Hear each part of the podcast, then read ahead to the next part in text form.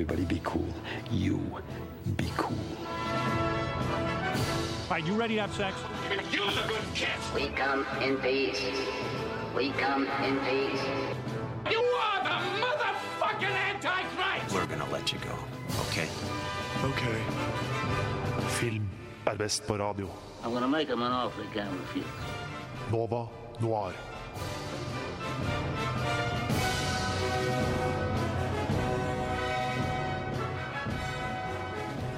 Hjertelig velkommen til Novo Noir denne torsdag formiddagen. Mitt navn er Bjørn Christian Sveen. Med meg i studio så har jeg Tone Hafsås, Hei, hei. Ludvig Viltil Hei. og tekniker Simon Lima. Um, først skal vi ha litt nyheter.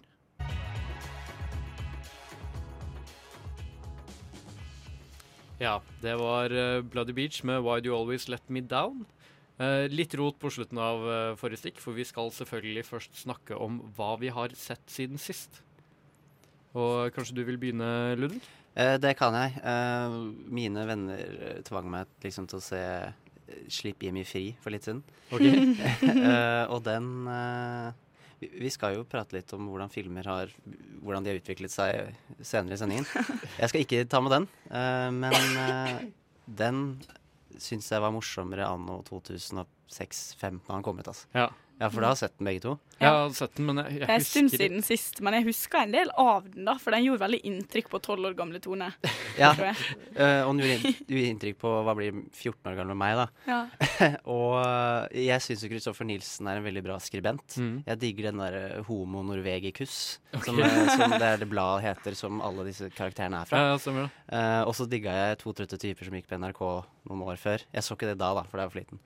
Ja. Eh, og jeg eh, Nei, eh, det var litt skuffende. Eh, jeg har liksom ikke fått sett så mye siden sist. Det var liksom det, jeg trodde skulle være så mye morsommere. Ja. Det var litt morsomt. Det funka jo litt at vi, vi tok noen øl, og det var kompiser og sånn. Ja. Men allikevel så holdt jeg liksom ikke så på, da. Nei, det er Jeg tror det er en av de filmene. For at jeg, jeg legger stadig merke til hvor mye humor som egentlig allerede har slutta å være greit. Eh, liksom Det eneste jeg egentlig husker fra den filmen, da, er Jeg har ikke egentlig så lyst til å se den opp igjen heller, sjøl om jeg lo som pokker når jeg så den. Ja, jeg. Men eneste jeg egentlig husker, er Shop and Go og Go and Shop. Uh. Amfetamin i Shop and Go-posen og uh, bedøvelsespiller i Go and Shop-posen. Altså, sånn det, det her skjønner du. Sånn. Nei, vi gjør ikke det. I hvert fall ikke når du går på spill sjøl. Men jeg føler det sier litt om uh, meg og min gjeng eh, da vi var Eller da vi så den, da. At det morsomste øyeblikket i hele filmen er da elefanten trakker på hunden, og den blir en sånn fjøl. Sånn Ja. med hundemønster på. Herregud, da lo jeg så jeg grein, liksom. Det var det morsomste. det der husker jeg ikke, men nå fikk jeg litt lyst til å Det var veldig gøy. Men eh, Tone, hva har du sett uh, siden sist? Eh, siden sist så har jeg egentlig Nå har jeg begynt å se Friends, og altså, jeg ser Det er jo så mye. Jeg føler at det, det er jo ingen ende på det, men det er jo koselig å bare sitte og ha på mens du spiser frokost, for all Mm. del. Og det er jo veldig gøy, syns jeg. Men eh, også i går så så jeg faktisk om igjen 'Prinsen av Egypt'. og den var jo sikkert ti pluss år siden jeg har sett sist, så det er jo den jeg skal snakke litt om seinere i sendinga. Yes, det, det gleder vi oss til. Um, Hva har du har sett, uh, Bjørn? Jeg har kjøpt meg Kindle, så jeg har ikke egentlig sett så mye siden sist. Men i går så så jeg en, en, eh, en litt spesiell film som het uh, Alt om min busk. En Oi. svensk erotisk Ja, feministfilm. Det, det hørtes Oi, ja, det var liksom akkurat det. Ja. Det var liksom Eh, akkurat det man tenkte når man hørte den tittelen. Jeg endte opp med å spole litt. Nei, nei, nei. Det er mulig jeg burde åpne feministhjertet mitt eh, litt mer, men jeg syns kanskje den surra mye. Jeg forsto nok ikke jeg, jeg, Kanskje jeg bare var for dum. Men var den litt sånn den kunst, eh, kunst Sånn artsy film? Fordi, sorry, men det blir jo ofte litt sånn Ja, og eh, som vi også skal snakke litt om senere i, film, eh, i sendingen, så er det jo et spørsmål om hvordan man egentlig Altså, burde jeg se den bare som en film, eller burde jeg ha en viss liksom, måte å se filmen på? Men, Mhm. men denne her Alt om en busk eh, fikk, fikk du med deg Var det noe liksom Hadde noe hva, skal jeg si? Var det noe hensikt med ja, altså, det Skulle den fortelle noe? Det handla jo veldig mye om eh, om, eh, om egentlig Hæ? Kjønnshår? Ja, altså, du skulle tro det. Men ja, altså, og ja, til en viss grad. Den handler, det var tre eller fire Egentlig så var det sånn fem-seks for veldig ganske liksom ulike eh, seksualiteter, men som egentlig hadde det til felles alt sammen. Virka som at det var veldig repressed. Og eh, husker jeg ikke så veldig mange av skuespillerne i den. For det var egentlig noe som jeg så veldig på innfall. Men han som eh, spilte liksom den kjipe fyren i filmen eh, Ektemannen til det jeg kanskje vil eh, kategorisere den protagonisten. Eh, Eksmannen som spil, jeg spilte eksmannen til Nomi Rapace. Så, Ola Rapace. ja, Ja. så han husker jeg navnet på, da. eh, på grunn av Nomi Rafash, egentlig. Men eh, altså Det var jo egentlig litt behagelig, for han er veldig todimensjonal, veldig platt. Han er, men så er han også så stereotypisk mann at det på en måte tok litt moroa ut av det for meg også. Uh, jeg, jeg bare skjønte ikke helt Uh, Men, men du, du kalte den erotisk òg. Ja. Hvor erotisk prater vi?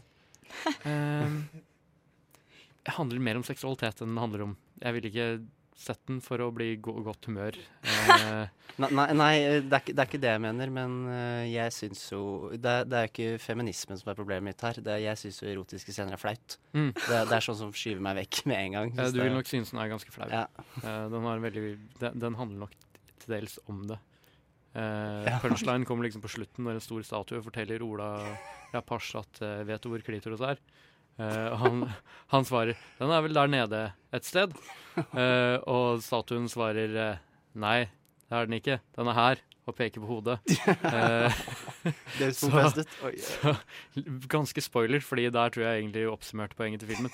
Men jeg, altså, ja, okay, jeg var trengte- det poenget med filmen? Da kjenner jeg at da er jeg trengte den statuen for å skjønne det, men det kan være jeg som er litt dum, da. Men Jeg, eh, jeg skjønner det fortsatt ikke.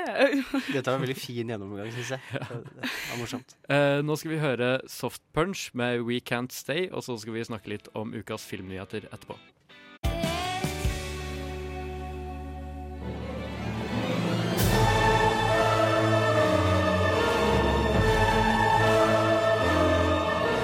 Well, hello, Mr. Fancy Pants.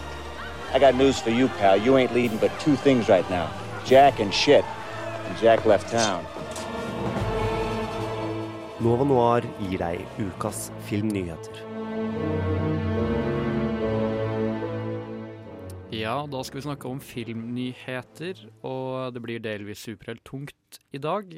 Ludvig, du eh, hadde noen superheltnyheter?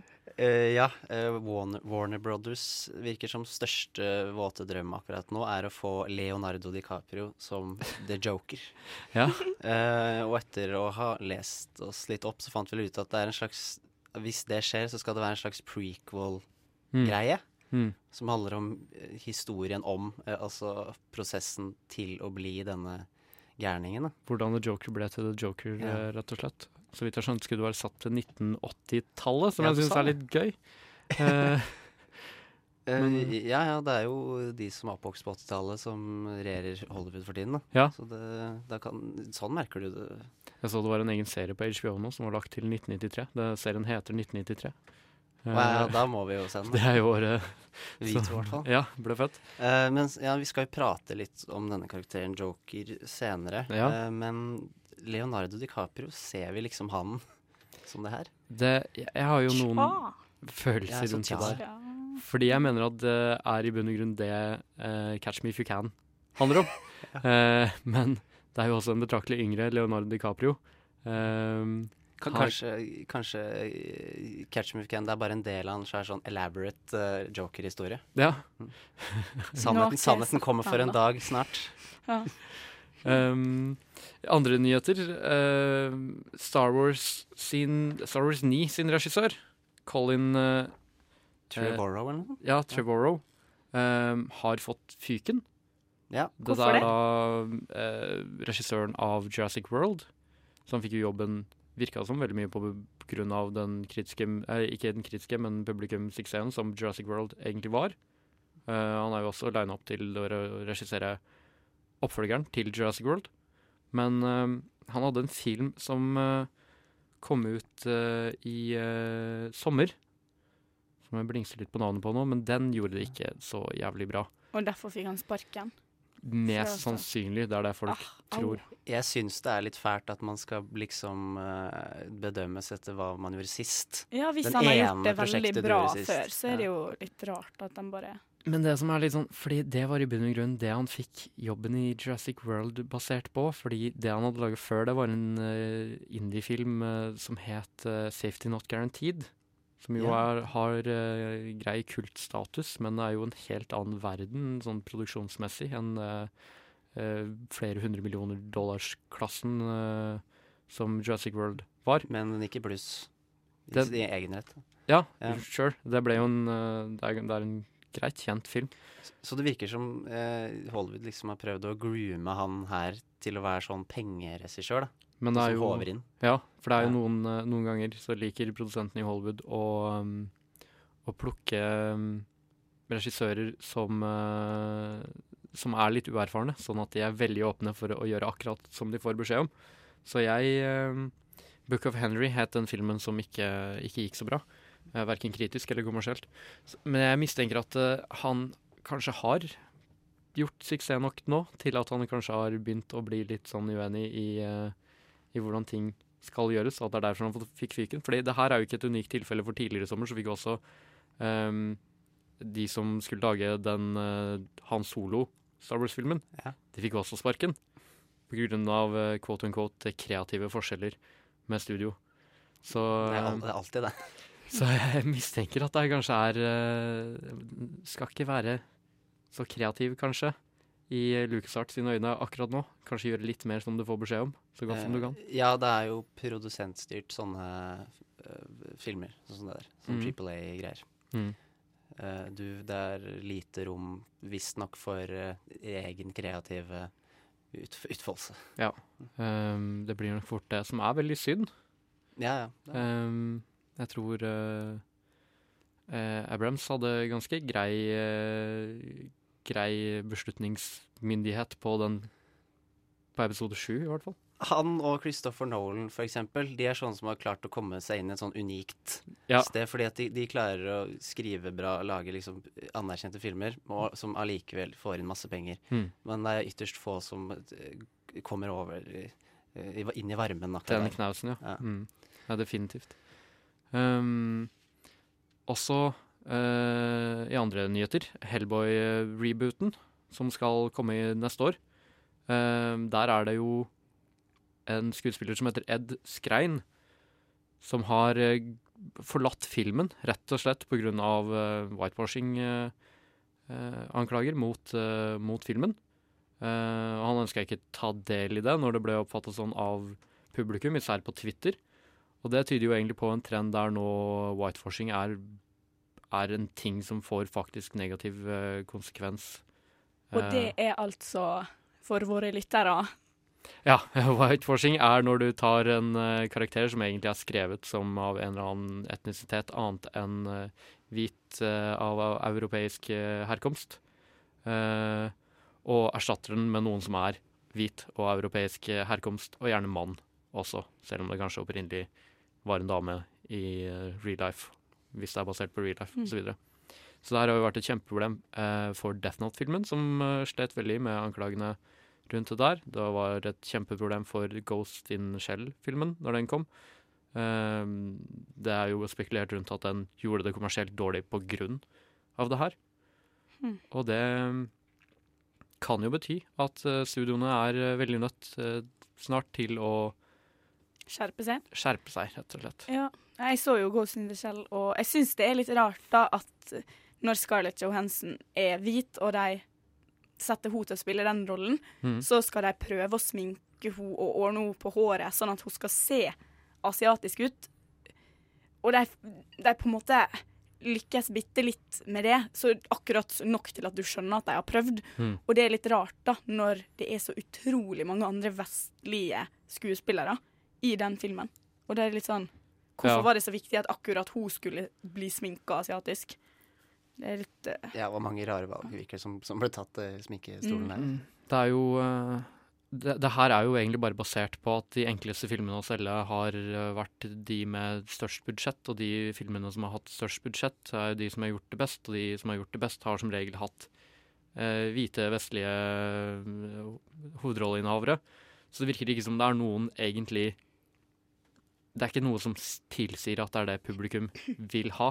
Det er bare studioheads Ja, som eh, man kan jo Ja. prate om sånn den indre rasisten til publikum, da. Ja. Og, det å det å liksom uh, forholde seg til en karakter. mm, Men det kan jo godt forandre seg nå. Ja, sånn jeg kanskje.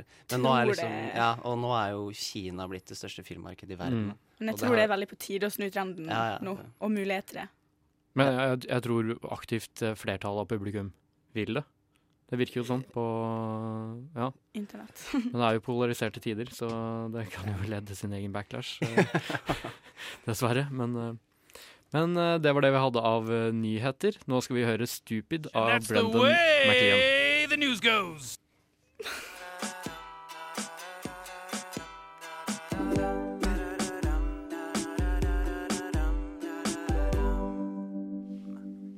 Ja, det var altså uh, Brendan McLean med 'Stupid'. Uh, og nå kommer det en anmeldelse fra Ludvig Viltil. Ja, uh, jeg har vært og sett The Beguiled. Ja. av nyeste av Sofia Coppola.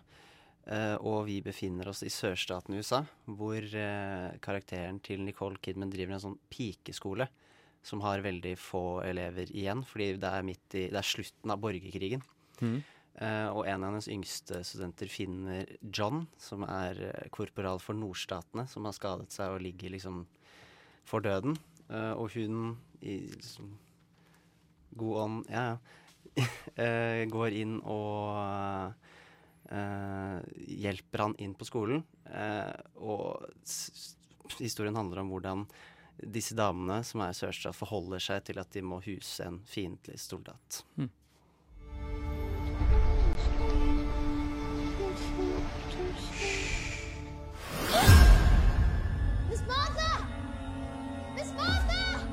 Is he dead? No. Get him inside. Quick! You're a most unwelcome visitor, and we do not propose to entertain you. You'll find them easily amused. You won't be here long enough for that. How did you end up in this place?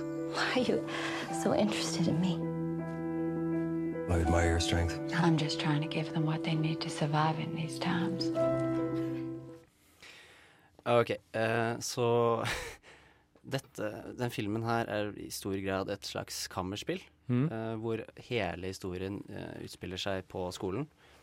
Eh, og det er på samme måte et, eh, et slags trekantdrama innpakket i en litt mer Hva kan vi kalle det uten å være for slemme? Eh, litt mer voksen historie, kanskje. Ikke okay. den der romantiske komedietype trekantdrama hvor det blir liksom hei og hå og ting. Eh, for det er eh, karakteren til, Nicole Kidman også, Miss Martha, er den derre Hun er en sånn stereotypisk streng kvinnelig rektor på pikeskole. Mhm. Eh, så har hun underlæreren sin som blir spilt av Kirsten Dunst, Edwina, og en elev, litt eldre elev som blir spilt av Elle Fanning. Og de to sistnevnte, i hvert fall, blir jo ganske betatt av Colin Farrell sin rolle, han John. Selv om de vet jo innerst inne at det er, det er faktisk livsfarlig at han er der. Det der med at det er borgerkrig, merker man henger over hele tiden. Eh, fordi de, hun, Miss Martha, har utsatt hele, alle jentene for fare ved å huse han der. Men han er såpass skada, og de har liksom ikke oppmerks nei, oppmerksomhet. Eh, Samvittighet. samvittighet, ja, tusen takk. samvittighet til å la han bare ligge for døden, da. Um, men eh, når plottet liksom er gjennomgått, så er dette mye mer en sånn teknisk film. Okay. Den er veldig nydelig. Den er som en slags maleri, vil jeg beskrive det som. Wow. Det er, perf det er tilnærmet perfekte utsnitt i bildet. Og er man glad i symmetri, så digger man den filmen der. Er det en sånn film fordi det, ofte når jeg syns ting er veldig cinematisk bra, så pleier jeg å si at eh, du kan stoppe Du kan pause filmen når som helst, alle som bakgrunnsbilde på PC-en din. Er det en sånn type Omtrent. Ja. Uh, med unntak av noen stygge sår som uh, Colin Ok. Har, så kan du nesten stoppe den hvor som helst. Eh, spesielt uh, bilder fra utsiden av huset, sånne stemningsbilder. eh, og fine lydeffekter. Disse er, når man setter en film i sørstaten i USA, spesielt litt ute i skogen, så er det liksom obligatorisk å ha sånne ganske eh, heftige siris-lyder Mm. som bråker eh, hele tiden. Uh, disse kan det bli litt mye av, faktisk. noen ganger. Det var en av de mer negative tingene jeg reagerte på. Det var veldig stemningsskapende på starten av filmen. Jeg følte jeg ble dratt rett inn i 1860-tallet veldig fort, og det er bra. Men eh, når det kom en time ut, Disse rissene, nå kan dere slappe av. Ja, men var det sånn Litt som når du drar til Syden. Ja. var det, Tok det deg ut av filmen, eller var det sånn at du var såpass transportert til 1860 at du var sånn derre Faen, jævla sirisser hele tida? Du liksom levde deg Nei, inn i jeg, jeg, jeg, jeg nitpicker litt, grann, for jeg likte filmen ganske godt. Mm. Uh, men eh, det var liksom noen dialogscener hvor For dialog er jo veldig viktig her. Det er Mm. nesten det som styrer hele historiemessig film. Det er kun dialog. Det, er- det er veldig viktig å nevne. Mm. Det er en sånn type film. Uh, men noe spesielt en viktig dialog skjedde inne i huset, så var det så disse sirissene som gikk i bakgrunnen hele tiden. Uh, men det er småplukking. Jeg skjønner ikke hvorfor jeg driver og maser med de jævla sirissene. Alltid greit å ta med. Terningkast to. Men jeg syns det er veldig gøy, og så er det sånn der, når jeg ser filmen nå, så, så er det liksom noe å, å legge merke til. Ja, kanskje jeg ødelagte det for Det alle kan godt hende. Men uh, ja, det blir morsomt å vurdere hvor mye jeg egentlig uh, henger meg opp i det. Ja, også for Det er jo viktig å nevne at det er kun dialog hele filmen. Uh, omtrent. og den er veldig manus og sånn skuespillerdrevet. Mm. Der kanskje for mange vil den kanskje virke litt langdrygg. Men jeg liker litt sånne greier. Og det er en sånn Cannes-festivalfilm. Sofia Coppola vant beste regissør for denne filmen på festivalen, så det er jo stor ære i det. Men det er Cannes-festivalfilmer er jo Det er en spesiell type sjanger. Det er, en, det er nesten egen sjanger, det. Skuespillet er, eh, er på plass. Ja, øh, og manuset er jo egentlig det jeg leter etter. Fordi Sofia Coppola er jo egentlig en manusforfatter, eller en regissør. Hun er en kapabel regissør, men det er manus som er hennes spesialfelt. Uh, og så syns jeg hun skriver Og så er hun også kjent for å skrive kvinner. Mm. Det er veldig bra, og det syns jeg hun, hun gjør her òg. Fordi det er dem det handler om. Han eh, Colin Farrell sin rolle blir på en måte et slags sånt fremmedlegeme i filmen. Som skaper uro i en ellers litt sånn vanlig hverdag. Uh, så han representerer en Han er mer sånn birolle som tar mye plass. Men han spilte veldig bra, han òg. Men jeg tror filmen forblir for litt spesielt interesserte. Men jeg er jo nerd og Ja. sånne ting. Så alt i alt Uh, jeg, jeg satt faktisk og jeg syntes dette var bra. Jeg, så fra meg får den åtte av ti. Altså. åtte av ti, ja. Bra. Mm. Da er det noe å, å få med seg, da. Så ta den anbefalingen og dra på kino, se Beguiled, og send oss gjerne en melding om hva du syns. Hvis eh, du skal være interessert i å dele det. Um, nå skal vi høre Shine med Andreas Duif og Fie.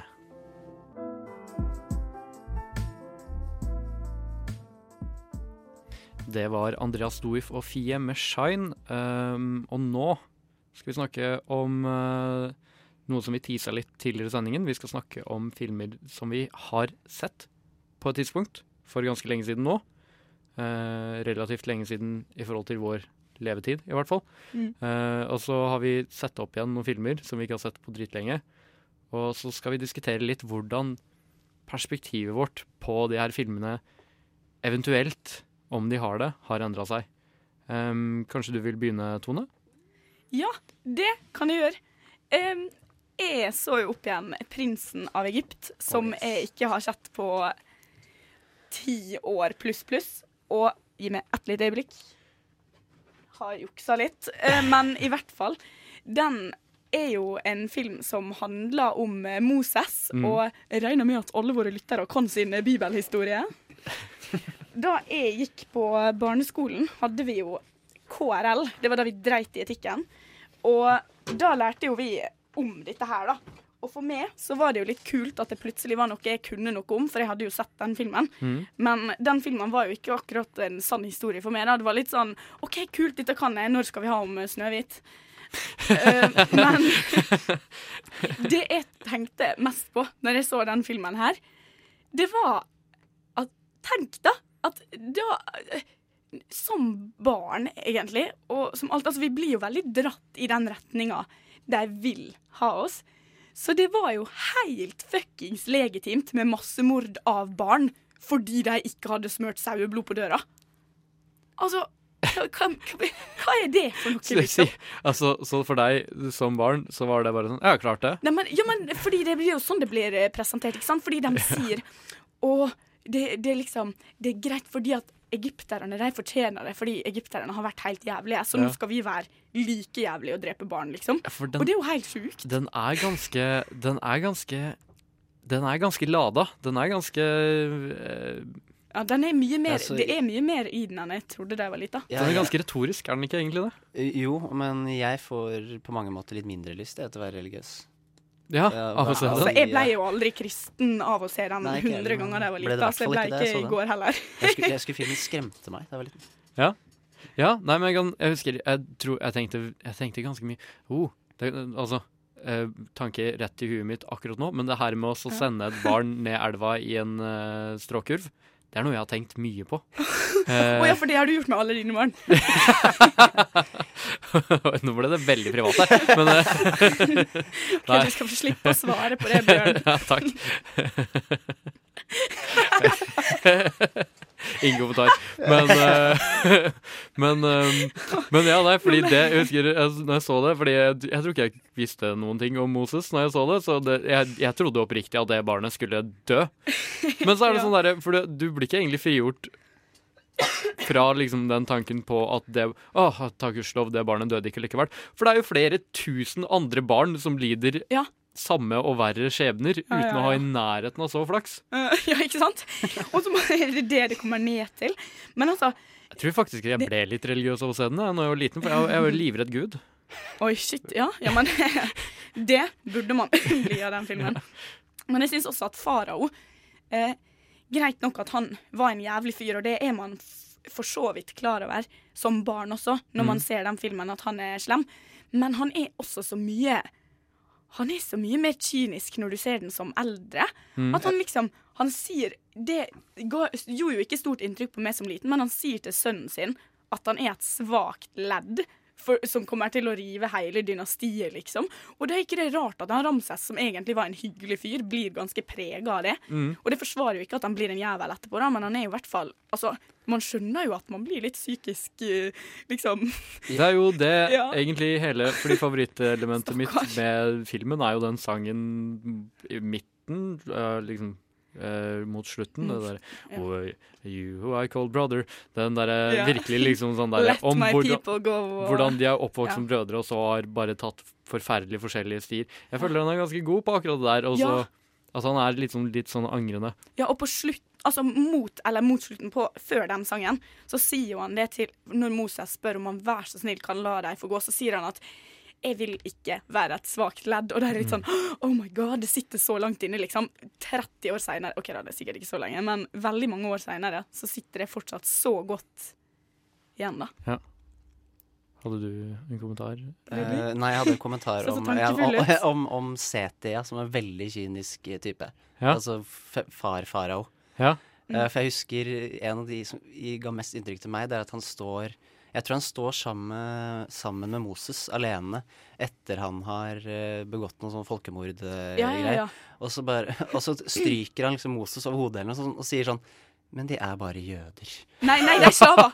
Slaver. Var det det? Ja, de, er, de var bare slaver. Å, jeg trodde han sa og så Moses jøder. bare så skulle jeg egentlig være slave. Og Så bare jeg, jeg, blir det trodde, jeg, jeg, jeg, alltid- jeg, i, og ti år jeg trodde han sa er jøder. så- For en, annen så- ting som jeg, ja, for en annen ting som jeg kom på nå, er at er, er det ikke bare en gammel fyr som kollapser og ramler sånn 200 meter ned fra en Å ja, klippe? nei, det er, nei, det er slave, en av slavedriverne. En av dem som står og pisker en slave. Riktig. Og så det da Moses har skjønt at herregud, det her er mitt folk, så springer han opp på broa og bare Kan du holde opp? Og bla, bla, bla. La den mannen få være. Eller noe sånt. Og så bare dytter han han slavefyren, altså han piskefyren, Ja. han detter ut. Og derfor må Moses rømme ut i ørkenen og møte badass uh, Sephora, som er bare dritkul. Her for meg er en, Kvinnen eh, of the night. er en, er en, er en mer dyster og virkningsfull film enn det eh, Passion of Christ uh, Mm. er, altså. Men uh, hva, hva er det du har sett, eh, Ludvig? Jeg har også vært uh, sent 90-tall. Uh, jeg har sett Ants, hvis noen av dere har sett den. Å ja, Ants, ja. det er mange år siden. det, er, det var motparten til Pixar sin uh, A Bugs Life. Å, jeg tenkte på Bugs Life. Ja, ikke sant? Ja, der, der hvor maur, ants er der hvor ma- maurene faktisk er brune, Ja. og ikke blå. Ja. Ja. Uh, Mm. og, og så så jeg Jeg så den for noen dager siden, og den har jeg vel ikke sett Jeg tror ikke det har gått ti år, men sånn åtte eller noe sånt. Eh, og jeg Shit, litt lignende temaer, egentlig. Ja, uh, ja, for jeg valgte å se Er det jeg også valgte- Dreamworks? Det er Dreamworks, Ja, det er det. Ja, Ja. ja veldig ja. Må du også ha Dreamworks? Nei, nei det, var, det var helt tilfeldig, men Ants hvert fall handler jo om den her nevrotiske mauren Seth. Ja. Som, han er kjempenevrotisk, og han er jo På engelsk så er han jo voicet av, av Woody Allen. Riktig. Og det tenkte ikke jeg på sist gang jeg så på engelsk, eller det er sånn på norsk. Jeg tenkte ikke på det det er sånn på norsk da jeg var sju år. Det er litt gøy. og på norsk så er han jo dubbet av vår egen nevrotiker Per Christian Ellefsen, som spiller uh, Elling. Perfekt. Ja, det er, eh, og det var pre- pre-Elling, så og det, er, det var perfekt sånn i dubbing-valg. Eh, valg. Ja. Men den handler jo om han her som, eh, som finner ut Han vil ikke jobbe i kolonien. Han er en, ene, han er en fri maur. Han Mm. skjønner, han skjønner ikke fruktene av sitt arbeid fordi han er sånn arbeidermaur mm. som, må, som bare må bo i gruven til han dør. Og så blir han forelsket i prinsessen, da. Ja, I, i, i, ja, det i, i, i, i Maurtun. Og for å imponere henne, så bytter han plass med broren sin, som er en sånn krigermaur. Så skal han ut i krig, for han har hørt at uh, Men ikke kan krigen med en litt mye større jo, jo, de, de er sånn. mye Ja. større, så jeg vet, ikke- ja, jeg vet ikke hvordan han klarer å komme seg inn, inn i Men han gjør det i hvert fall, for han hører at krigen Men det er jo litt sånn prosessen, sant. Det er sånn der Når systemet bare er liksom Når systemet forvalter seg sjøl, så er det ingen som faktisk følger med, annet enn systemet. Så så lenge du har de rette um, De rette liksom credentials-greiene, så kommer du inn i militæret når du er 16 og liksom Kanskje det, er egentlig, kanskje det er mye mer sosial uh, enn sånn ja, Ja, men det er, er det, det, det er sånn jeg husker den. Jeg husker den som Ja, og så er det han skurken, han generalen, som har det som, som oh. han, eh, De går jo til krig mot termitter, Ja. som han hevder har vært uh, aggressive mot dem, Ja. uten at de har det. Så han sender jo disse maurene til døden for å skape en ny En ny eh, koloni hvor han er faren, skal bli sammen prinsessa og bli faren til alle maurene. Sånn at alle maurene er hans avkom. Og det tenkte jeg på nå. at Han er kjempeekkel. Det er så ekkelt, det. Men, eh, det er, men er det sånn det er i familien? Men eh, han, han skulle liksom være faren til alle maur. Og han syns gruvearbeiderne i, i- liksom ikke er noe test. De skal forsvinne, og det skal bare være krigermaur. Men der er det jo litt eh, Sånn funker jo ikke et samfunn. Du kan ikke bare ha krigere. Nei, nei. Så det er jo, han er jo en slags sånn Det er blitt forsøkt før. han, ja, litt sånn kritisk øye mot de som ser ned på arbeiderklassen og sånn, da. Det er ganske oh. marxistisk Ja. ja, det er ganske mye symboler, mye symboler der. Og det morsomste er når han skal rømme fra Rømme fra eh, kolonien. For han har hørt et eh, rykte om en sånn fyllik på en bar som har vært i Paradis, Insektopia.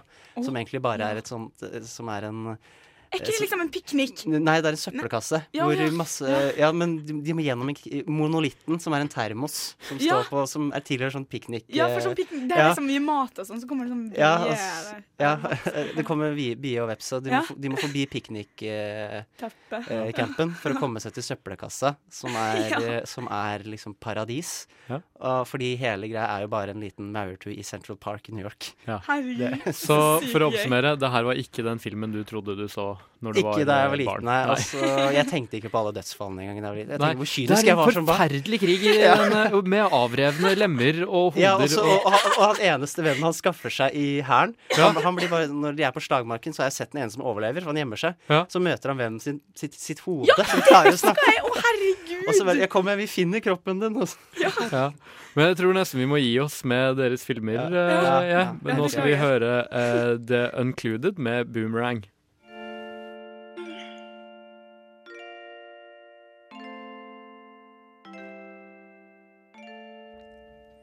Ja, da er vi tilbake etter The Uncluded med Boomerang. Og um, da skal vi snakke om den filmen som jeg har sett.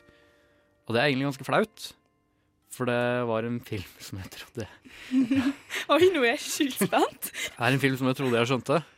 eh, helt fram til jeg så den opp uh, her for ikke så lenge siden, og det er da Memento. Eh, Så du den da du var liten? Jeg ja, jeg så den da jeg kanskje sånn 10-11 år gammel. Og jeg så den for første gang sist du så den, eller er det right? Ja, var- det kan, uh... Da vi så med redaksjonen. Har vi sett den med redaksjonen? Herregud, var ikke du der? Nei, jeg tror ikke jeg var der. Unnskyld. Nei, Ja, move on. jeg har nok sett den lenge etter det. Uh, jeg så den fordi jeg, jeg skulle høre på en podkast om den. Altså, Så bare sånn der, så var jeg litt sånn Jeg burde kanskje forfriske der hvis jeg skal få mest mulig ut av den podkasten. Mm. Så jeg så den opp igjen, og det viser seg at uh, det jeg trodde jeg visste om Memento, visste ikke jeg om Memento. Oh. Den filmen jeg så, var ikke den samme filmen i det hele tatt. Ehm, jeg har det mest sentrale i filmen, og nå kommer det spoilers, så jeg må snakke om slutten, rett og slett. Eller da altså begynnelsen. Begynnelsen, ja. Eh, men det faktum at han begynner filmen med å bestemme seg for Altså at han manipulerer seg sjøl til å drepe det som egentlig Ja. essensielt er bestekompisen sin, sånn bare Bare for å kunne fortsette å ha det Altså, gøy er feil ord, men det er jo for, han gjør det jo for å underholde seg sjøl, liksom. Det det hadde ikke jeg fått med meg den første runden. Eh, rett og slett. Så da har jo liksom Jeg trodde han bare var en de detektiv med hukommelsestap, jeg. Jeg, eh, jeg fikk ikke med meg noen av integra... Altså, jeg, alltid, jeg synes den filmen var ganske irriterende da jeg var liten. Jeg skjønner det hvorfor. Jeg hadde ikke attention spannet til å egentlig få med Ja, det som Ja, tidslinja er jo helt fucka. Jeg ble jo forvirra selv om jeg visste hvordan Altså selv om de dok, Altså, eh, Lundvik og de andre eller dere Var du også Nei, vent. Nei, det Du var bare- det var- Herregud, jeg skjønner ikke at det går an! Jeg tenkte at alle var der. Det er hyggelig at du følte at vi var med deg i ånden, da. Jeg hadde dere i hjertet mitt, men uh, resten av gjengen satt der og forklarte meg hvordan det fungerte, så jeg visste jo hvordan det fungerte, og allikevel var det jo litt forvirrende. Det var jo litt sånn Ja, men hvorfor leve Å ja. Mm.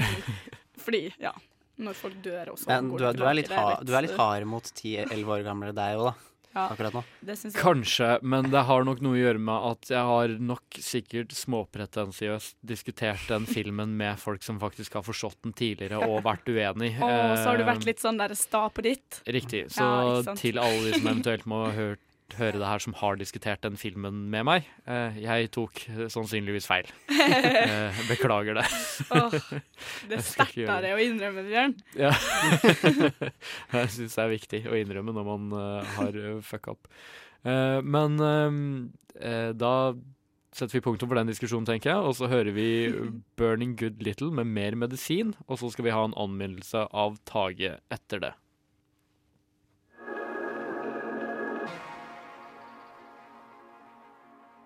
Det var eh, 'Burning Good Little' med mer medisin, og nå skal vi ha en anmeldelse av eh, Tage, som vi har fått inn i studio. Hei, dere! Hei sann! Hvordan går det med dere? Greit. Ja, nei, det går strålende, gjør det. Med alle Ja. God Mm. stemning foreløpig. Ja, fordi eh, jeg har jo vært og sett Tommy Wirkolas nye film, mm. uh, 'What Happened to Monday'. Og uh, den handler jo om Eller i en ikke sånn uh, fjern fremtid sliter jordkloden med ekstrem overbefolk overbefolkning. Og da blir det satt i gang et lovverk som gjør det ulovlig å ha mer enn ett barn, aka Kina. Mm. Uh, og da vi, spiller William Dafoe en bestefar som må oppdra sine syv, eh, eller sin datters syvlinger.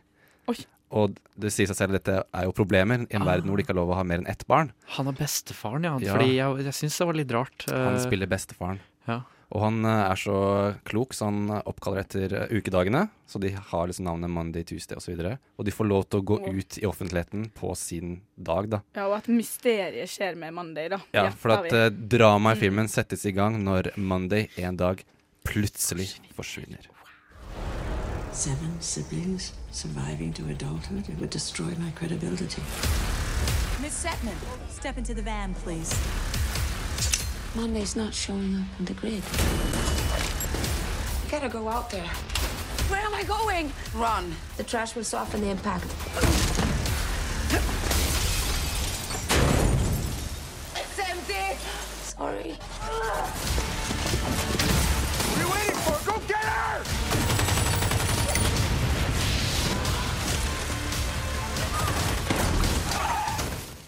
Som, Herregud, som dere heftig hører shit. her. Heftig action fra start til slutt. uh, det som jeg vil nevne først, er at uh, det som er veldig unikt med filmen, er at uh, noe med rapas ikke rapashi, eller Eh, rapash, som jeg liker å si, ja. Stemmer. ja.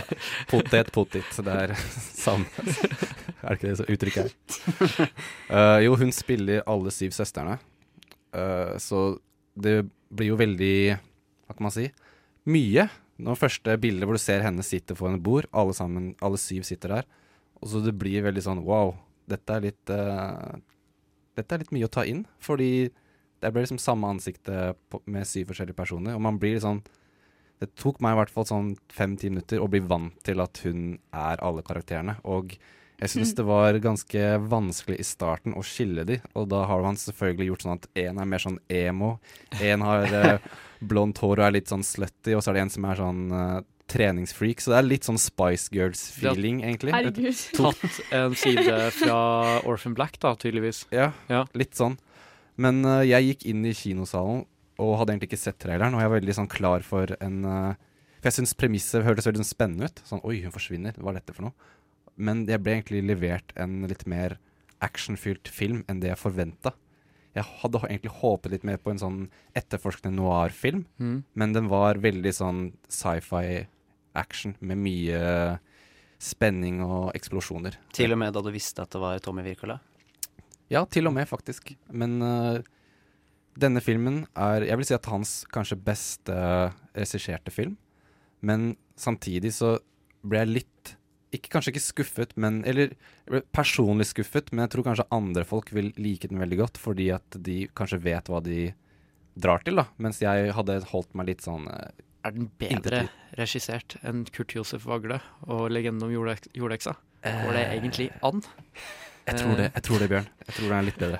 Okay. Men eh, vi kan diskutere om det er bedre enn Kill Buljo seinere. Ok.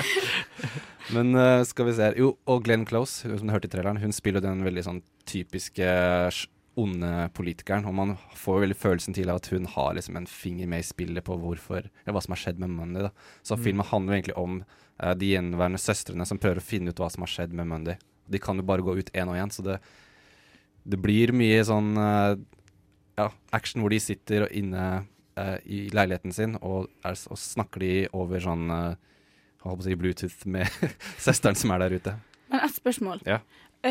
Ja, men det er vel mye folk som bor i denne byen? Ja, det er veldig Ja, da mye. kunne jo de gått ut samtidig, og ingen hadde funnet ut det. Nei, men det som er ting at det er jo, I den verden så er det sånn, du må gå gjennom sånne checkpoints, og du har sånne ID-bånd på hånda di, og det er bare én person som kan ha det båndet. Og hvis det er for stor risiko å eh, gå ut to, to For at uh, det, som, det som skjer da, hvis det er flere enn ett barn, så blir søsknene tatt med i cryo-sleep. Så da skal liksom ligge i sånn, sånn søvn helt til verden har blitt et bedre sted. Men uh, det er litt Det er mange som mener at det ikke er bra, da. Det er jo veldig tema som er i tiden, egentlig. Det er jo en sånn type bekymring som man eh, gjerne snakker om når man snakker om fremtiden til overvåkning og befolkning og sånne ting. Så. Mm. Eh, for meg så syns jeg det mest interessante scenen egentlig var tilbakeblikkene. Når eh, William Dafoe oppdrar de og forteller dem hvordan de skal alle sammen må leve under den samme identiteten som Karen Setman. Og det oppstår jo litt problematikken når de blir eldre, fordi alle har lyst til å være sin egen person. Men når de drar ut i offentligheten, så må de være Karen Setman. Og da blir sånn, ingen blir sånn 100 eh, tilfredsstilt, fordi de kan ikke være seg selv når de først får muligheten til å dra ut i den virkelige verden.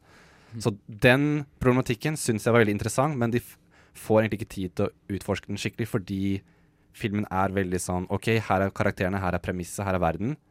Nå er det action. Nå er det Nå er de på jakt, og de blir jaget, og det er action og eksplosjoner. og Høres ut som en kjent oppskrift. ja, hoppe over bygninger og uh, fight the bad guys. Og uh, det som er litt kult, er at det er jo mange norske skuespillere som er med i filmen. Ja, det er han ha. så da han uh, Blant annet en Christian er, Rybek og sånn, er ikke det? Christian Rybek er med, og han har en ganske stor rolle i filmen. Og så er det Pål Sverre Hansen.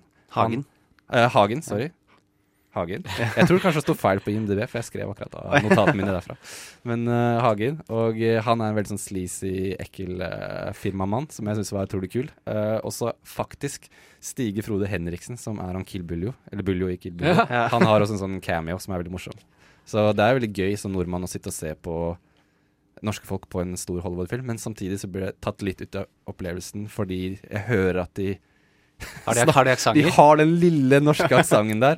Og det har egentlig noe med Rapaz også, så jeg var litt sånn hm, Er dette et bevisst valg, eller skal hun altså for, at, For- for ingen andre har det. Det Sånn, ikke- sånn Glenn Close snakker perfekt amerikansk, mens hun har litt sånn eh, rar Men, men det er mange engelsk. sånne future cities og sånn som eh, hvor for å vise at det er sånn verdenssamfunn, så er, så er det masse aksenter om hverandre. Mm. Er det det her, eller er det bare de norske og noe Mirapass? Det er nok bare de norske og noen pass. Ja, det er- Altså, ja, det er egentlig de. Så jeg ble liksom hm, vet ikke helt om det her er bra.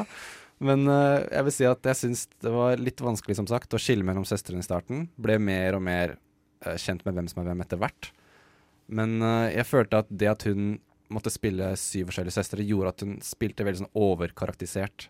Ah. For liksom jeg er denne, så er det en veldig sånn Å, jeg er emo, tar drugs for å leve og Ja. sånne ting. Og så er det en som er jeg er sporty og kickass og så videre. Så jeg syns det ble litt sånn litt cheesy. Men i hennes forsvar så tror jeg det er jævlig vanskelig, fordi Ja. Orphan Black sliter jo egentlig med det samme. Ja. Uh, at det blir litt for parodisk uh, til tider. Mm. Men uh, jeg kan for liksom forstå det, for at man må ha et eller annet som gjør at man klarer å skille mellom dem. Ellers er det helt umulig å forstå Mm. hvem som er hvem. Så alt i alt, hva syns du? Eh, jeg syns at eh, dette er som sagt hans kanskje best regisserte film. Og, men jeg ønsker at han vil gå At han går mer tilbake til de sånn wacky Klin Kokos Bananas actionfilmene sine med sånn syke plott, sånn som Hansen og Gretel og Død snø og sånne type ting. Men uh, jeg syns det var en morsom Nei, ikke en morsom film. Jeg syns det var en bra film, men det manglet den der Wirkola-humoren som folk kanskje setter veldig pris på, da. Mm. Så jeg vil gi den en seks av ti. OK. Ja. En seks av ti til What Happened to Monday.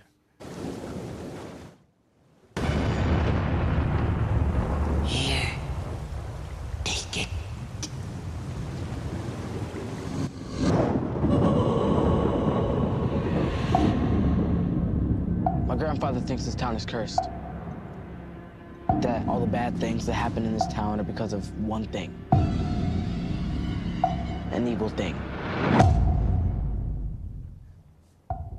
Det vi hørte der, var strengt tatt traileren for It, eh, som du også har sett, eh, Tage.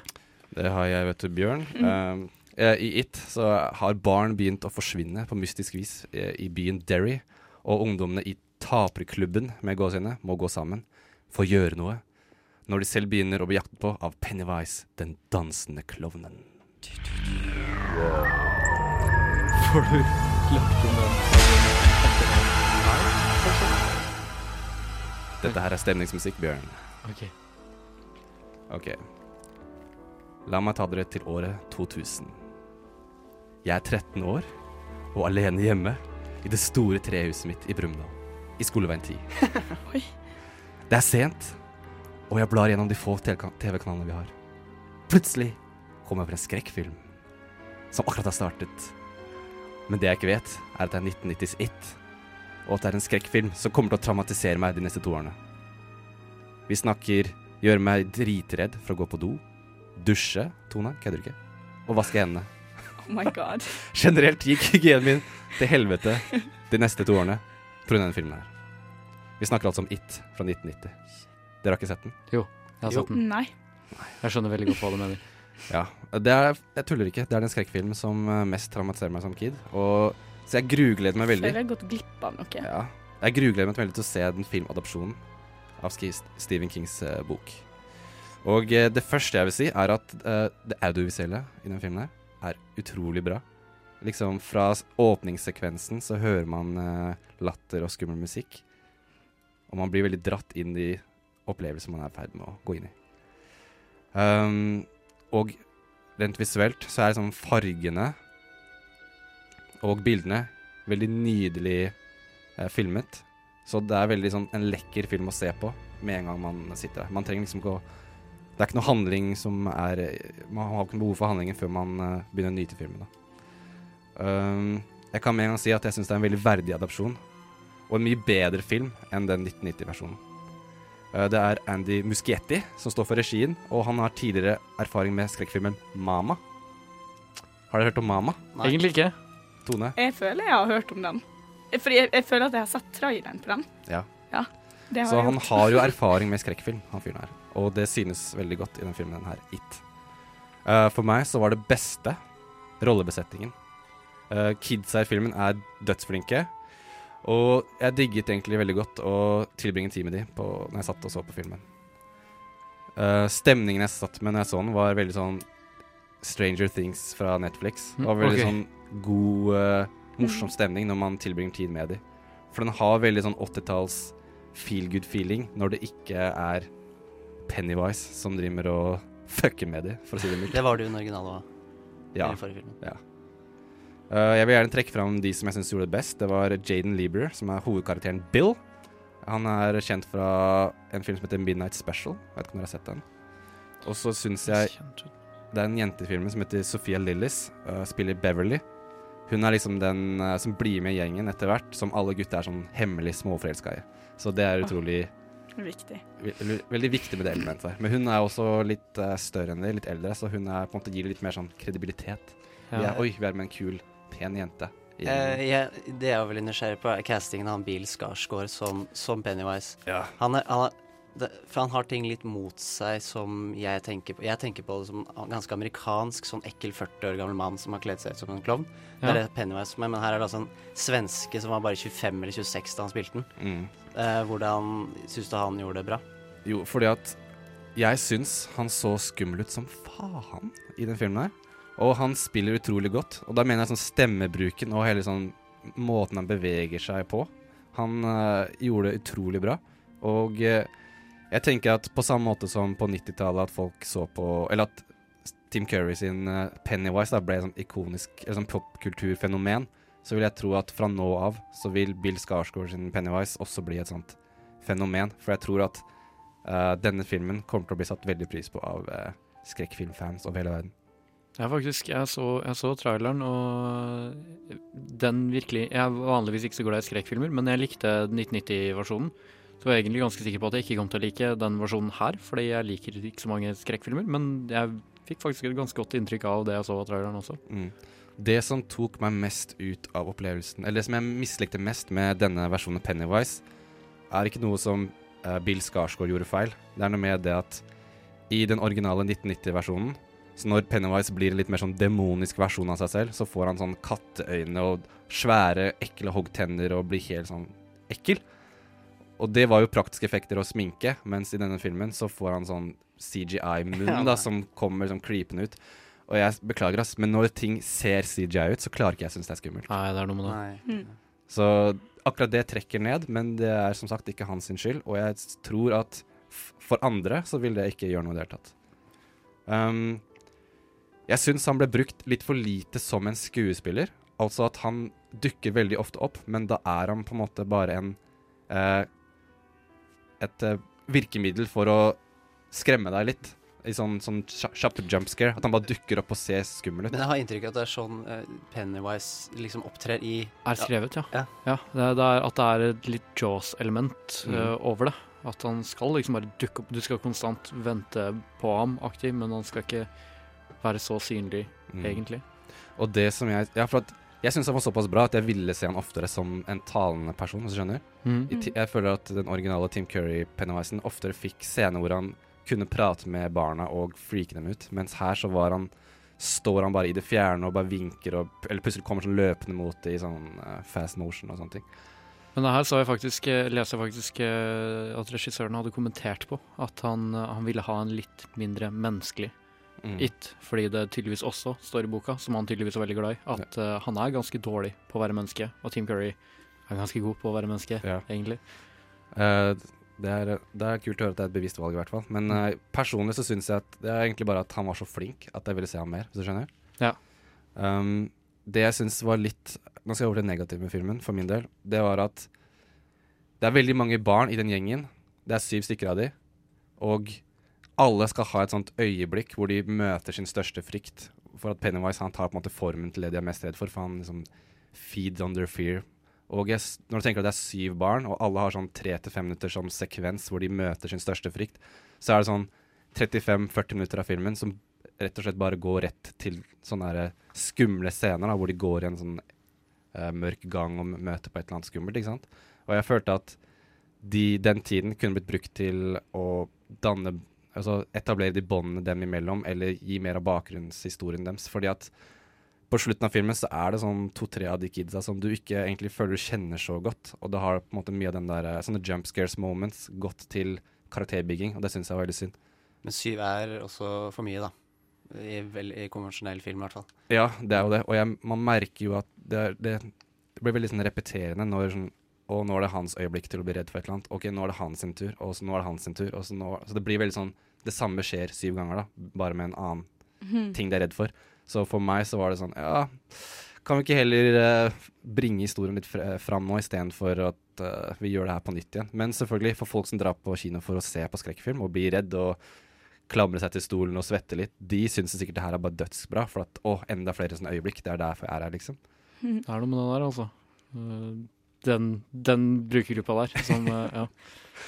Ja, men eh, jeg syns også at eh, det gikk på bekostning av flyten i narrativet, fordi at um, det er på en måte at Den setter opp hva alle er redd for, og det liksom danner alle båndene, og de liksom blir kjent, og det blir liksom den etablerte gjengen. Og så, når det har skjedd, så er liksom filmen sånn OK, nå skal vi fange Get that bad guy, liksom. Og så blir det liksom det som er resten av plottet, da.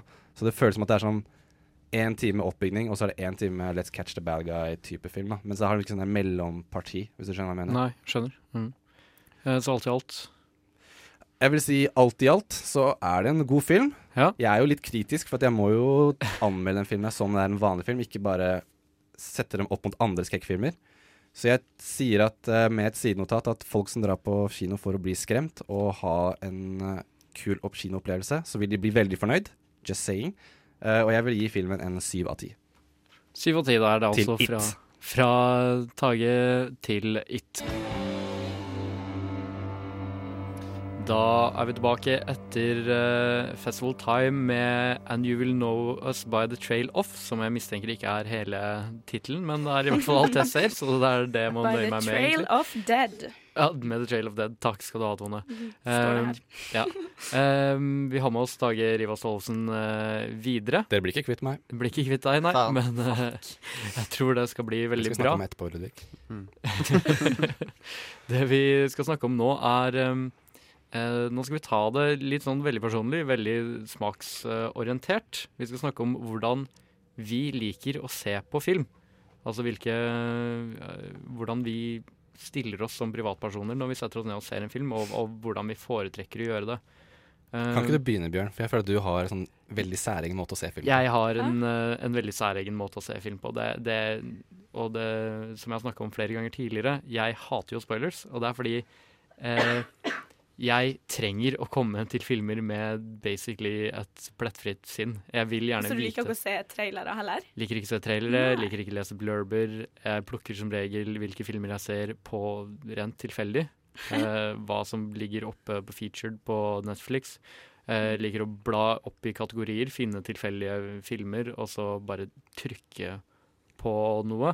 Og gjør det her med Netflix og med Amazon og med alt mulig forskjellig. Så jeg vil liksom gjerne ha så mye min egen mening, og så heller Mm. lese de kritiske meningene og de, noen andre sine meninger etterpå. Um, hva med deg, Ludvig? Har du noen følelser eh, rundt med det her?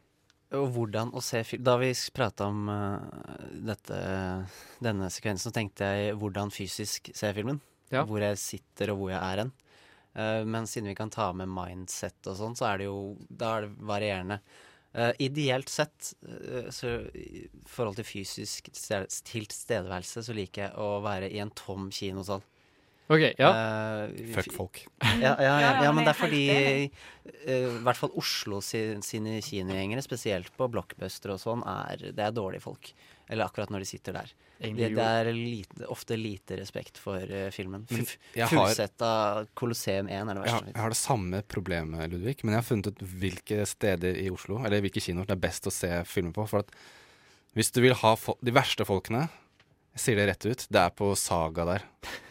Saga 1. Men også, Saga også 1. på en fredag eller lørdagskveld. Det er jo Ja. bedre å se nesten midt i uka, for det er ikke så mange folk der. Altså, Jeg så Mission Impossible 5 eller 6 eller hva det er for noe, Ja. i fjor. Ja. Og folk satt foran meg og kasta popkorn på hverandre under hele filmen. Og det verste av alt, det var en fyr bak meg som hørte på musikk på mobilen sin på sånn høyttaler. Altså, jeg hadde ikke på seg headset, han hadde på seg høyttaler på musikk under filmen. Oi, Og vi, vi snudde oss, gjentatte ganger bare stirra på han i sånn ti sekunder. Hva faen er det du driver med? Men han bare litt- fortsatte. Jeg er nok litt lett å lokke til å eh, em, det, å, å bevege meg ned på samme nivå. Eh, jeg, jeg er ikke grei å ha med å gjøre hvis ikke du er grei å ha med å gjøre. Det er noe jeg jobber med, det er noe jeg prøver å slutte å Så du hadde satt på musikk, du òg? Det man egentlig, jeg føler man egentlig burde gjøre, er å gå ut og så si ifra til resepsjonen at uh, det sitter noen og gjør sånn og sånn. Hvis ikke det blir gjort noe med, så vil jeg ha tilbake pengene mine. Jeg antar jeg er noe man kan gjøre. Men det er jo egentlig den samme grunnen til at jeg egentlig ikke er så glad i å gå på kino. Jeg liker veldig godt å se filmer hjemme. Jeg føler ikke at jeg egentlig Altså mange som kommer til å hate meg for å si det her, men jeg føler ikke jeg går så, at opplevelsen går så veldig mye tapt av meg av å se det på min egen TV. Det, det er mange filmer jeg, jeg kan se som ikke er viktig at jeg ser på en ordentlig svær skjerm, jeg òg. Mm. Mange filmer kan ses på TV hvis det er en bra TV. Mm. Synes jeg, for jeg er jo, apropos sånn dårlig kinoopplevelse, jeg er jo traumatisert. Det. Det er det? Fra, ja, fra Interstellar. Den så jeg på Saga 1. Nei, nei ikke Saga 1. Colosseum 1. Og så var det en fyr rett bak meg. Han dro på do midt i filmen. Og så har han, så har han liksom the nerve til å komme tilbake. Så gjør han sånn liksom til vennen sin. Hva som skjedde nå? Hva som skjedde? Hva, hva som skjedde nå? Og så begynte han å uh, oppsummere hele filmen. Ganske, ganske faen. Nei, jeg så meg tilbake, og han vennen hans var var jo flau over sin venn.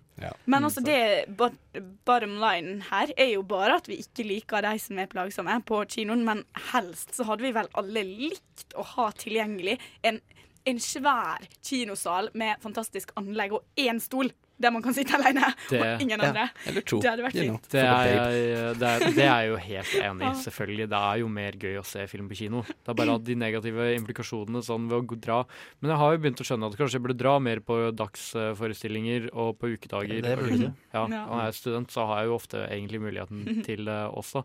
Det er jo litt sånn fleksibelt eh, skjema. Men, men ja, ukedager er din venn, ass. Ja, ukedager er din venn. eh. ikke drit i det. ja, nei, OK. Men for alle dere som hører på, ikke dra på ukedager. Det er bare vi som drar på ukedager. Bare vi. Ja. Er du et slitsomt menneske, ha litt sjølinnsikt. Gå på lørdag kveld. Men hva syns dere om tidspunkt på dagen? Er det sånn tidlig om morgenen? Seint på kvelden? Jeg, jeg skjønner ikke folks, eller nordmenns fetisj å drive og gjøre det klokka åtte om kvelden og sånn. For jeg, jeg føler at uh, da liker jeg å være hjemme, jeg, da. Da vil jeg allerede være hjemme. Men det gir jo veldig mening med at folk jobber og sånne ting. Ja. Ja, ja, men når du, når, når du spør folk om preferanser, så mener de også det. At Ja. det er kvelden Hvis du spør Hvis du hadde vært arbeidsledig, og når er du helst vil se kino, så tror jeg og, de fleste også ville sagt sånn åtte-ni om kvelden. Ja. ja det er gjerne det man er litt vant til, kanskje. Ja, man er For det er litt sånn du kommer ut av salen, og da er det alltid mørkt. Ja, Og og du- apropos ants, vi prata om ants i stad, og kolonien og sånn. Nordmenn er jo ganske i stor grad en sånn koloni. Vi liker å være enige om ting og gjøre de samme tingene samtidig. Og enda så er vi så dårlige på å stå i kø. Ja, Det- ja men vi, vi står i kø fordi folk drar på hytta akkurat samtidig. Og gjør de samme tingene. Drar på stranda samtidig. Ja, nei, vi, altså, vi følger akkurat samme skjema, men vi er forferdelig på å stå i kø. Og stå i kø, og liksom, og, og busskøer. Ja, gu- køer for å gå inn og ut av buss er det verste jeg vet. ja, det er helt Det er fullstendig anarki. Men nå føler jeg at samtalen er zooma litt ut fra det Ja. vi skulle Fordi Ja, det vi snakka vel hadde- mer om ja, hvordan mentalt ser man på film. Ja. Hva er det, liksom, hva er det dere har hvis, hvis du ikke skal behøve å liksom være kritisk uh, stilt til filmen, sånn at du skal ikke anmelde den, du skal bare se den? Hva er det liksom Ser du trailere, leser du liksom mye om filmen? eh, gjør du de tingene der før du går på kino? Jeg kan godt se trailere. Det kan jeg godt. Men eh, jeg liker ikke når trailerne er så lange, fordi da er det ofte veldig, veldig, veldig mye av filmen som er i den traileren. Mm. Så man vet på en måte veldig hva man går til. Eh, men jeg liker jo Altså, jeg ser på film veldig sånn for å slappe av, på en måte. Jeg ser Jeg sitter aldri og analyserer film, nesten. Så det er sånn Hvis jeg skal faktisk anmelde en film for noir, så har jeg litt problemer med det, fordi jeg liker å bare liksom koble litt ut og bare ta inn historier, og ikke tenke på tekniske ting og Mm. det. Så du bare Du setter deg ned bare for å se filmen? Når du Ja, for å se alene. historier sånn. Det er derfor jeg på en måte Det er mange som kan si at å, den filmen var dårlig fordi bla, bla, bla. Og så har de en sånn teknisk sånn film... Altså, hva det heter Cinematiske effekter. Og det der at det kanskje er dårlig, da. Men Ja. jeg tenker litt mer sånn historie og prøver å bare sette meg inn i situasjonen til karakteren. Jeg er veldig glad for at du sier akkurat det der, for det var egentlig det, det var nøyaktig det jeg tenkte på. Fordi jeg er jo liksom nesten sånn der eh, Måten jeg skiller meg liksom som når jeg skal se en film kritisk, og når jeg skal se bare en film aleine, fordi Mm. jeg er jo litt sånn nerd, sånn som du nevner der. Jeg har veldig lyst til liksom eh, Altså sitter jeg gjerne og googler hvilke filmer folk har vært med i mens jeg sitter og ser filmen, og liksom hva regissøren har gjort tidligere. Fordi jeg har sånne teorier på hva jeg tror de kanskje har jobbet med, hvor de Ja, kommer fra. shit, nei, sånn Så- tenker jeg aldri. og det er også derfor, fordi jeg, har, jeg vil teste meg sjøl. Det er et puslespill for meg. Jeg vil se liksom hvor god jeg egentlig er på å se hvor, hvor typisk er den type stemning her. Hvilke andre Mm. ting, tror jeg. Så jeg prøver også å se liksom de store greiene. Men jeg gjør det på en veldig Jeg føler jeg er, veldig, jeg er alltid veldig positivt innstilt når jeg ser filmer aleine. Ja. da er jeg ikke ute etter å være kritisk. Jeg har en sånn greie med at jeg ser veldig mye av samme skuespiller eller regissør i en periode. At hvis sånn, å, nå har jeg, nå har jeg dilla på Matt Damon, og så bare ser jeg masse Matt Damon-filmer. Mm. Så jeg blir sånn derre Matt Damon-sfære som jeg er i over en periode. Jeg vet ikke om dere har gjort Nei, det tror jeg helt vil unngå, fordi at da er den personen den, pers altså, den personen er den karakteren for meg. Og da er det så rart når den plutselig er en helt annen situasjon, og sånn, for da får jeg litt sånn nei, Men hvis de er du- gode skuespillere, så klarer de, vet ja, du. ja. ja, ja, de klarer det, men klarer er det? Spørsmålet. Omstille meg fra Jeg kjenner meg igjen både i maniske diller og den googlingen. Ja. Det, er derfor, det er derfor det er bra at jeg går på kino, for der, der drar jeg ikke opp mobilen. Nei. Men jeg sitter spesielt jeg sitter alene jeg, rett opp og driver og taster. Og hvis jeg, jeg kan finne på å gjøre det hvis jeg ser filmer på TV med venner, Ja. og de misforstår ofte og tror at jeg gjør noe helt annet. Ja. Men det jeg gjør, er egentlig å lese om de som er med i filmen, uten å følge med på filmen. Akkurat samme problemet. Det er en sånn spesiell ting. Det er sånn, jeg har aldri tenkt at noen kan finne på å gjøre det. Jeg ser på Her har du to alt. stykker. Altså, men jeg må følge med på alt som skjer på en film. Det er litt sånn, når folk snakker om det Det har vi snakka om før på sending, faktisk. At folk kan sette på en film i bakgrunnen mens Ja. de gjør andre ting. Det går ikke. Jeg kan faen ikke smøre på ei brødskive engang mens jeg ser på film, fordi jeg må se på skjermen hele tida. Jeg har jo litt sånn her, Det er aktivt noe som jeg sliter med, for jeg må alltid ha på noe i bakgrunnen. Hvis ikke så blir det for stille for meg, rett og slett. Jeg har litt fobi mot, det mot Men eh, satt på litt musikk, musikk, ja, da. jeg, jeg har radio på, jeg. Ja. Ja, det, ja enten radio. eh, film eller en podkast.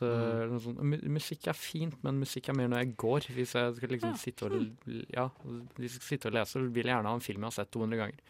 Uh, I Love You Man er liksom standard. Uh, I Love You Man er fantastisk.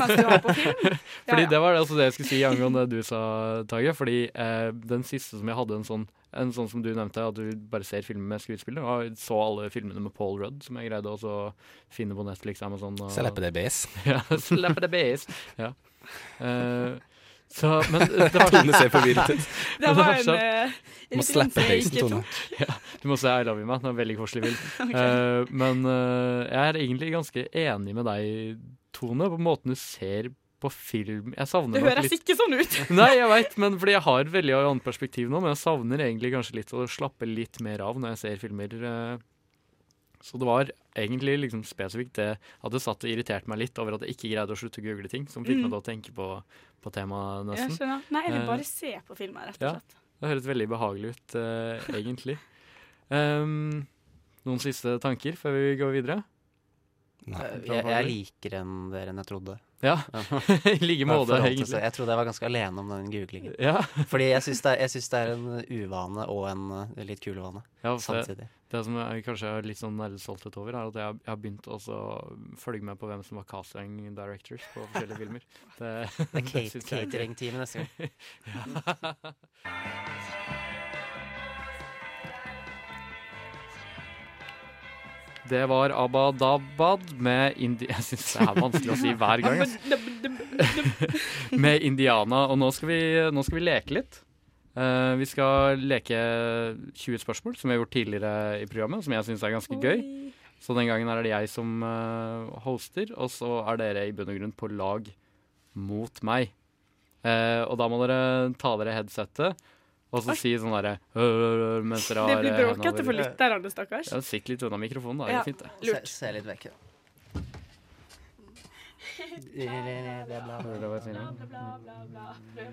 Filmen vi skal uh, gjette i dag, er 'Løvenes konge'. Jeg gjentar 'Løvenes konge'. Ja. Ja, sånn. Ja. Oi! Dette- Jeg lurer på dette- hvordan det var bra dette radio, høres ut på sending, altså. Så da, Det finnes en bedre da løsning på det. Er det egentlig bare å begynne. Ja. Jeg kan starte, jeg. Ja. Eh, er filmen fra 2000-tallet? Uh, nei. Handler den om to bestevenner? Uh, på en måte, ja. Litt. Mm. Er den fra 90-tallet? Eh, ja. Ok. Eh, foregår den i USA? Nei.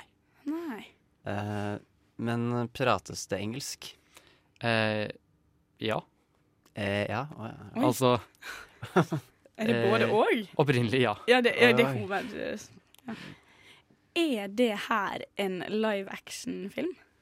Nei. Oh, da kanskje det er noe jeg har sett, da. Prater vi Disney? Ja. Oh my god. Uh, er hoved... Altså, er de fleste karakterene dyr? Ja. Er det tegna? Eh, ja. Er det musikal? Ja. Ja, det er som Det er jo. Disney Fuck. er som regel det. Er det kjøttetende dyr som er ho- hovedkarakter? Ja. Eh, ha- har hovedpersonen to eh, litt sånn tøysete venner etter hvert? Ja. ja. Er det ganske nærme nå? Nå er vi der, Levendes altså. konge, kan vi si det, eller? Ja, det er Løvenes konge. Og kanskje litt for enkelt på rett på tampen, eh, rett under 15 spørsmål der. Men da skal vi ta en til, da. Ja, for dette er ganske kjør fort. på. Ja. Um, Må vi lage rare lyder? Ja, lage rare lyder og holde for eh, Ja. Den neste filmen som vi skal gjette, er Blade Runner. Blade Runner. Der. Ja, sånn. Ja. Ja. Bra. ja, ok. Da kan Tone begynne denne gangen, da. Ja. Er det her en live action-film? Det er det. Å, det, det er viktig med tid, altså. Er det fra 2000-tallet? Eh, nei. Ja, hva skal jeg hjelpe Ludvig, da? Er det fra 90-tallet? Eh, nei. Er det titallet? Nå, altså? Nei. Oi. Oi, 80-tallet? Ja. Okay, ok, Nå har vi brukt opp veldig mange spørsmål på Fem bare det her. Ludvig. er, det, Oi, shit, er det live action? Ja, Yeah. Nei, det er spørsmål, er. Ja, skal, dere skal slippe Ah, okay. ok, eh, Er det amerikansk film? Det er det. Um, Å, herregud. Er det en morsom film? Komedie? Skal det være det? Nei, egentlig ikke. Nei. Uh, er det mannlig hovedkarakter? Eh, ja. Er denne hovedkarakteren hvit? Ja. Jeg er jo gjerne det, dessverre. Oi.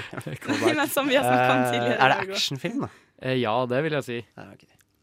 Oi, er det Oi, Ja. ti spørsmål? Um, um, um, um, um, eh, er, er hovedkarakteren litt sånn lone wolf som skal klare seg yep, selv? Ja. definitivt. Og er det Er denne skuespilleren også med i Pulp Fiction? Nei. Ah. Er det mange forskjellige skuespillere som har spilt denne rollen her? Nei. Nei, å ja, OK. Da var det ikke den jeg trodde det var. Uh, hva, hva spør vi om nå? Jeg Eh, kan hjelpe dere Ja, bitte litt, litt. kanskje, nå som vi er på 13 spørsmål ifølge det jeg har telt. Er du enig, Tage? Ja. Uh, Tage som reservedommer eh, i hjørnet her. Um, eh, det er en remake på vei. Som narrower det down til ca. 40 filmer, men uh, allikevel. Så det fins Ja, det blir Nei, det er et dumt spørsmål. Uh, er det sånn Det er skyteaction. Skyteaction, Ja. ja. Er det mye liksom uh, seksualiserte kvinner, lettkledde? Det vil jeg si, ja. Det, Oh, jeg vet 15 der, spørsmål. Ja, Da er det i hvert fall ikke det jeg trodde. Um, Kanskje hvor er vi nå? inne på Er det, det er satt i USA? I, Nei. Det tror jeg faktisk ikke det er. Okay. Nei, det er ikke det. Oi. Nei, det er veldig ikke det. Oi. Oi. Ja. Hvor er det sant? Eh, det er veldig ja- og nei-spørsmål, det her. Eh, Å, herregud. Nei, bare kjør på, Ludvig, hvis du har et Ja, spørsmål, for nå står det litt fast. hvor, hvor er vi nå? Er vi, er vi i Sør-Amerika? Nei, vi er ikke det. Er vi i Europa? Nei. Fuck det her. Å, det er sikkert en sånn Det er ikke krigsfilm. Det er ikke en krigsfilm. Uh, jeg tror kanskje dere tenker litt for mye action også. Det er ikke den tekniske Ah, okay. definisjonen, uh, kanskje. Ja, ja vel. Kanskje spør om hvilken tid det er satt til. Å ja, det, det er helt glemt, det. oh, ja, er det satt Nei. Det er ikke satt til 80-tallet. Det er ikke satt til 80-tallet. Ja, eh, Er det Er det andre verdenskrig? Nei. Er det litt sånn Nei, det er det ikke. Oi, er vi på 20 nå? Ah, det er, Ja. Ah. Dere skal få til 25, da, hvis dere greier du da lyst til at vi skal gjøre det. å Jeg tror skal jeg sjanse Da er det Asia, da. Ja, det er det. Okay. Uh, Er det satt til fremtida? Det er det. Herregud, er vi på nei, jeg kan ikke lese munnen nå. det, det kan ikke være det. Vent litt, nå må jeg tenke her. For det var en mannlig hovedrolle, var det? Det er det. Å ja, fuck, nei, da er det Da er det ikke Nei, det. jeg oi, tenkte nå, nå er jeg litt lost her, altså. Og det er remake på vei. Det er en remake på vei. Jeg kan hende jeg har overvurdert, fordi den er veldig viktig for meg. Det er veldig viktig at den filmen her kommer, men det er kanskje ikke like viktig eh, for dere. Nei, kanskje vi ikke har sett originalen. Nei. Det, Skal vi tror- si Vi har strengt tatt tapt 20 da, spørsmål. da, ja, da sier vi det. Og filmen som jeg var på jakt etter, var Blade Runner. Nei, ja, men den. er jo satt i Los Angeles. Er det? Jeg trodde Ja. det var Neo Tokyo. Nei, det er LA, tror jeg. Ja, da beklager jeg. Jeg Ja. var misleda deg der. Ja, for jeg tenkte ja, Nå skal ikke jeg være streng, altså, fordi alt annet var riktig. Da, da, da Greit. Da fikk dere en teknisk uh, seier der av min inkompetanse. Eller, eller hvis det er det jeg tok. Ja, nå må vi, nå må vi dobbeltsjekke. Men det var i hvert fall veldig gøy å se dere sitte og vri dere Ja, ja jeg synes 20 spørsmål er gøy. Ja. litt. Grann, da. Um, ja, da skal vi høre franske piker med Helt sammen.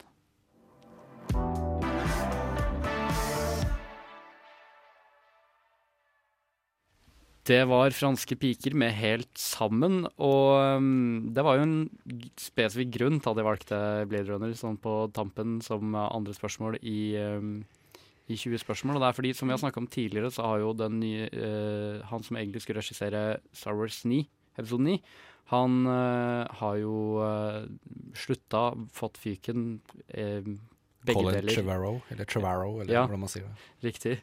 Eh, litt, eh, litt vanskelig navn. Eh, og han, han som jeg tenker på som jeg skulle gjerne sett en Star Wars-film av i stedet, kanskje. Han har også et litt kronglete navn. Han heter Dennis Villeneuve. Villeneuve. Etter at Villeneuve. De, eller Denis, var det. Villeneuve, tror jeg. Riktig. Eh, fordi han har jo laga 'Arrival', og så er han også satt opp til å regissere eh, Blade Runner-oppfølgeren, ikke remaken, som jeg feilaktig sa i stad.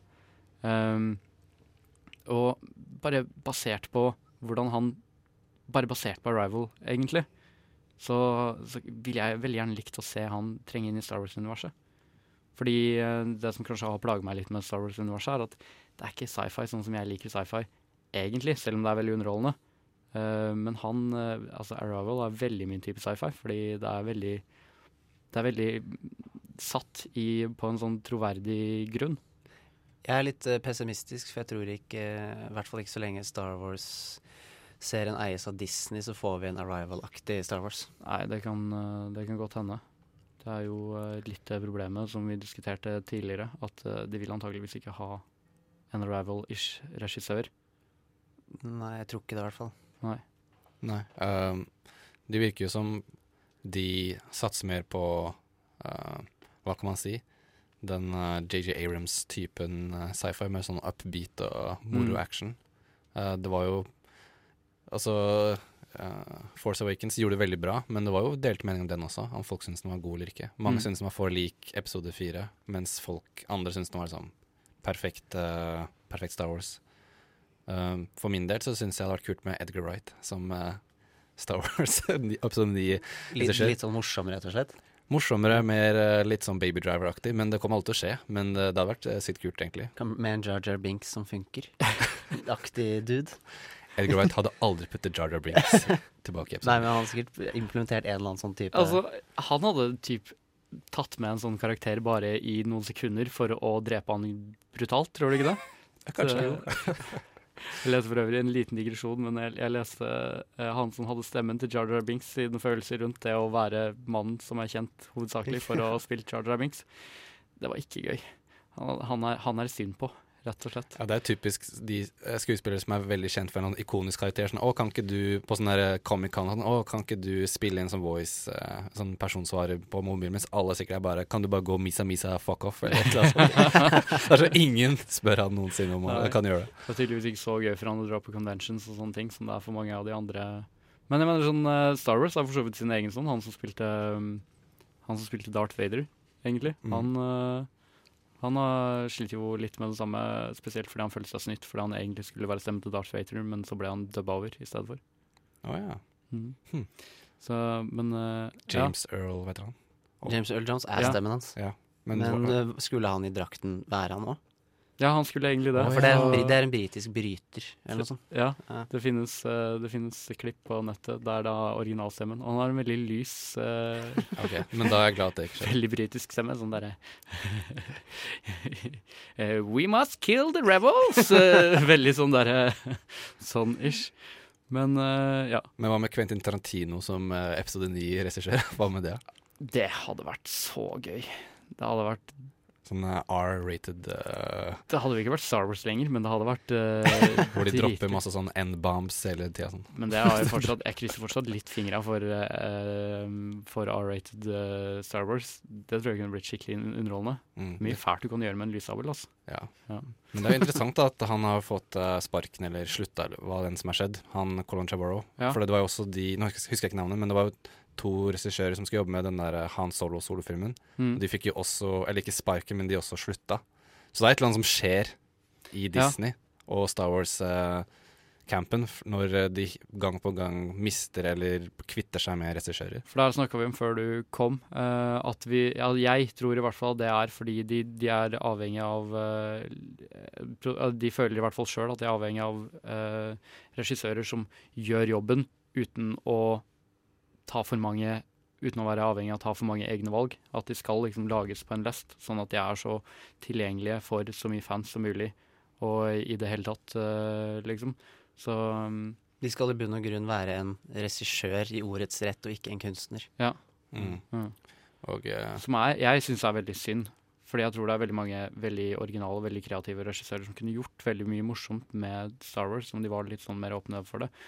Kanskje gjøre mer den, eh, den Marvel Cinematic Universe-aktige stilen på det. At hvis du får en film i universet som ikke funker, bare si at den ikke er canon, liksom. Bare Men jeg hvorfor de er så redde. De har liksom tjent alle pengene i verden, og de har liksom the prequels, som de aldri kan si sånn Ja, det blir ikke dårligere prequels uansett, så de kan bare gønne på. For jeg skjønner hvorfor de er så redde. Uh, det sagt vil jeg si at jeg er fornøyd med at uh, Colin Trevorrow mista jobben, fordi jeg, er ikke så veldig impo jeg var ikke så veldig imponert av Lost World. Ikke jeg heller, I det hele tatt, egentlig. Og ikke Altså, jeg likte egentlig ikke den originale filmen hans, den derre Hva var det den het? Safety- Safety Not. Guaranteed. Jeg, jeg skjønner at folk likte den, men den, jeg, jeg forsto ikke helt hvorfor han fikk et så stort prosjekt basert på den filmen som Jurassic World var og er. Uh, spesielt ettersom han skal ha oppfølgeren uh, også. Nei, det, ikke, det er merkelig. Jeg forstår ikke Hollywood, men de gjør ting Mm. på sin måte. Og eh, vi får håpe. Og jeg ble, det er litt spennende å se hvem som tar over fra han til episode 9. Mm. Eh, jeg hadde egentlig ikke hatt noe mot om Er det Ryan Johnson heter? Han som skal regissere episode 8. Eh, han som lagde Looper. Ja. Jeg hadde egentlig ikke hatt noe mot hvis han lagde episode, episode 9 også. Det er jo et veldig legitimt alternativ, hvis de greier å få han til å signe på en kontrakt sjøl. Mm. Men uh, vi begynner å nærme oss uh, slutten her. Um, vi har uh, anmeldt uh, It. Uh, det var det du som gjorde, Tage. Yep. Og um, Og du, Ludvig, du anmeldte Beguile. Ja. Ja. Og så fikk vi også høre en anmeldelse igjen fra Tage om What Happened to Monday. Seks av ti til den. Ja. Og sju av ti til uh, It, og Ja. åtte av ti til The Beguiled. Yes. Det er en god Jeg er kinouke. han, da. Mm. Hei, hei, Tone. Hei. Hvor dukka du opp? Ja, det- Har vi hatt det fint? Det har vi. Ja. Eh, tekniker har vært eh, Godeste Simon Lima. Simon Lima. Takk skal du ha. Eh, jeg er Bjørn Kristian Sveen. Med meg har jeg hatt Ludvig Viltil og eh, Tone Hafsås. Og Tage Rivas Tollefsen. ja. um, da er det vel bare igjen å si ha det. Ha det. Ha det bra, da. Ha det bra. Nova Noir? Nova Novar. Nova Bear. Nova Noir? Men herregud, Nova Noir. Hi, my name is Michelle Monahan, and you're listening to Nova One. Nova Noir. Nova Noir. Do you understand the words that are coming out of my mouth? Man. Nova Noir. Hver torsdag fra 10 til 12 på FM 99,3.